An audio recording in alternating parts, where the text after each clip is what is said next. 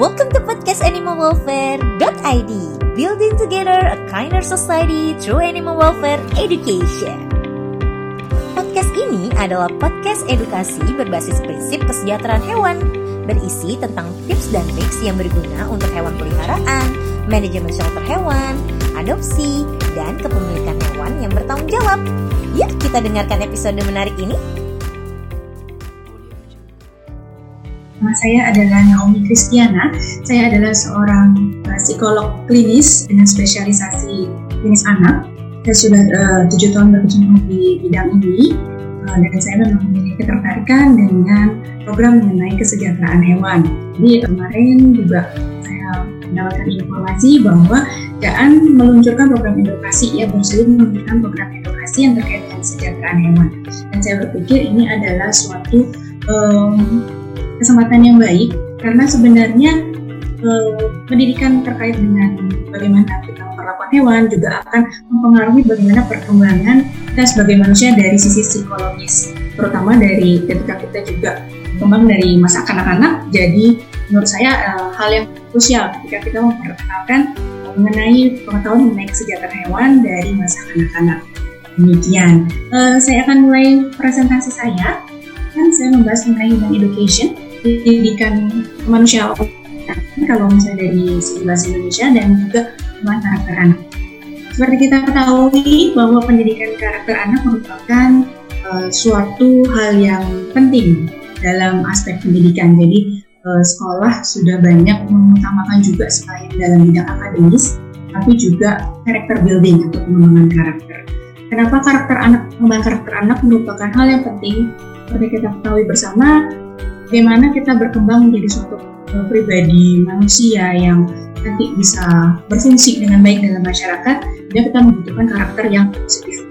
Nah, kalau kita bisa lihat karakter positif apa saja sih yang perlu dikembangkan sejak masa kanak-kanak, nah, kita bisa lihat bahwa ada respect, ada caring, empathy, kind, responsible, ya, compassion, self control dan juga visual itu salah satunya yang positif uh, beberapa yang positif. Jadi masih banyak sekali karakter-karakter positif yang sebenarnya masih bisa dikembangkan.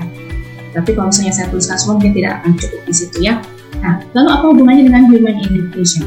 Human education kenapa bisa menjadi bagian dari karakter education? Nah karena human education merupakan suatu uh, program pendidikan yang uh, mengutamakan bagaimana kita sebagai manusia itu bisa berinteraksi dengan baik jadi juga menghargai selain hewan tapi juga bisa menghargai manusia. Jadi uh, tidak hanya dibahas hewan saja tapi juga bagaimana kita uh, dari sisi berinteraksi dengan manusia dengan hewan dan juga dengan uh, lingkungan alam di sekitar kita. Tapi ketika kita berbicara tentang uh, hewan tentu kita akan nanti berfokus pada pendidikan yang terkait dengan bagaimana kita memperlakukan hewan dengan uh, tepat seperti itu Nah, ketika kita bisa mengembangkan karakter yang positif, tentunya itu akan berdampak bagaimana kita berperilaku berperilaku yang positif uh, dalam lingkungan sosial kita sebut dengan perilaku prososial. Itu bagaimana kita bisa berupaya untuk um, memperhatikan kesejahteraan lingkungan kita seperti itu. Jadi harapannya ketika kita juga uh, belajar bagaimana kita menghargai hewan, kita juga nantinya akan bisa menghargai uh, apa pun yang terkait dengan kehidupan kita dalam sehari-hari. Dari hasil penelitian yang sudah saya lakukan kemarin saya melakukan penelitian uh, konseptual ya. Jadi beberapa penelitian di luar negeri juga sudah menemukan bahwa human education memang memiliki pengaruh yang penting terhadap perilaku prososial. Ini adalah salah satu contohnya. Nah, tapi kalau di Indonesia, nah karena belum banyak implementasinya, jadi saya belum dilakukan secara khusus implementasinya. Jadi saya harapkan kemarin dengan yang uh, program yang baru saja diluncurkan oleh Jalan nanti bisa ditindaklanjuti sehingga nanti juga bisa dilakukan penelitian-penelitian yang lebih mendetail dan lebih mendalam terkait dengan penerapan uh, pendidikan kesejahteraan hewan sendiri uh, dengan payung secara besar adalah human education seperti itu. Di uh, penelitian apa sih yang nantinya bisa akan uh, saya harapkan bisa dilakukan di Indonesia? Misalnya uh, metode apa sih yang nanti bisa diimplementasikan sesuai dengan karakter siswa di Indonesia? Lalu misalnya uh, apakah memang ada penambahan pengetahuan setelah program tersebut dilakukan? Lalu misalnya apakah ada perbedaan manfaat yang diperoleh dari setiap jenjang pendidikan? Lalu bagaimana efeknya? Kalau uh, penelitian dilakukan di luar negeri, mereka juga menindaklanjuti efeknya. Jadi efek jangka pendek dan jangka panjang. Seberapa uh, jauh hasil pendidikan ini dapat bertahan pada siswa. develop pada anak-anak.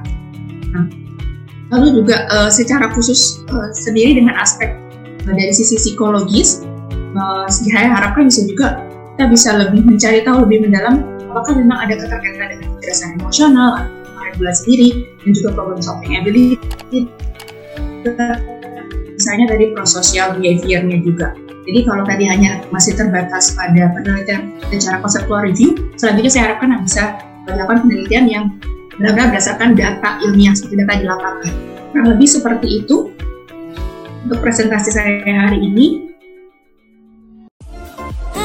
Thank you for listening to podcast animalwelfare.id. Semua informasi ini dapat diakses di website animalwelfare.id. Jangan lupa subscribe, like, dan share ya. See you in the next episode.